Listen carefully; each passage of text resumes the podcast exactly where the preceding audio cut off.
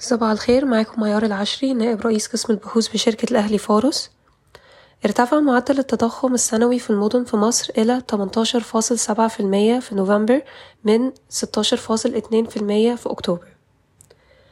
حسب وسائل الإعلام المحلية جدد, جدد البنك المركزي تعليماته بعدم الموافقة على طلبات استيراد 13 سلعة دون الحصول على موافقته المسبقة. أنهت شركة فوداكوم جنوب أفريقيا التابعة لشركة فودافون PLC صفقة الاستحواذ على حصة الشركة الأم البالغة خمسة وخمسين في المية في فودافون مصر.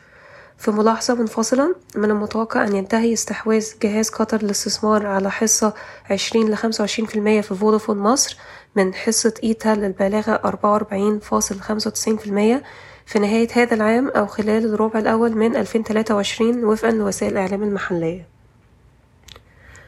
مددت وزارة المالية الموعد النهائي لتسجيل الفواتير الإلكترونية للأفراد العاملين لحسابهم الخاص حتى تلاتة وعشرين. عين عين هشام عز العرب رئيس رئيس مجلس إدارة غير تنفيذي للسي اي بي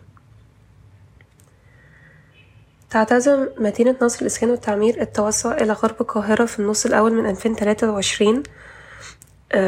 وتدرس قطع أراضي في الساحل الشمالي وتتوقع ارتفاع أسعار العقارات بنسبة خمستاشر لعشرين في المية. أعلنت كليوباترا عن تنفيذ اتفاقية مدتها خمستاشر عام مع صندوق الإسكان والخدمات الاجتماعية لقطاع البترول لتحديث وبناء وتشغيل الوحدات الطبية الرئيسية في مركز البترول الطبي في محافظة السويس. استقرت أسعار النفط منخفضة يوم الجمعة مسجلة أكبر انخفاض أسبوعي لها منذ شهور أغلق خام برنت منخفضا بمقدار خمسة سنت عند ستة وسبعين فاصل عشرة سنت ستة وسبعين دولار فاصل عشرة سنت للبرميل. شكرا ويوم سعيد.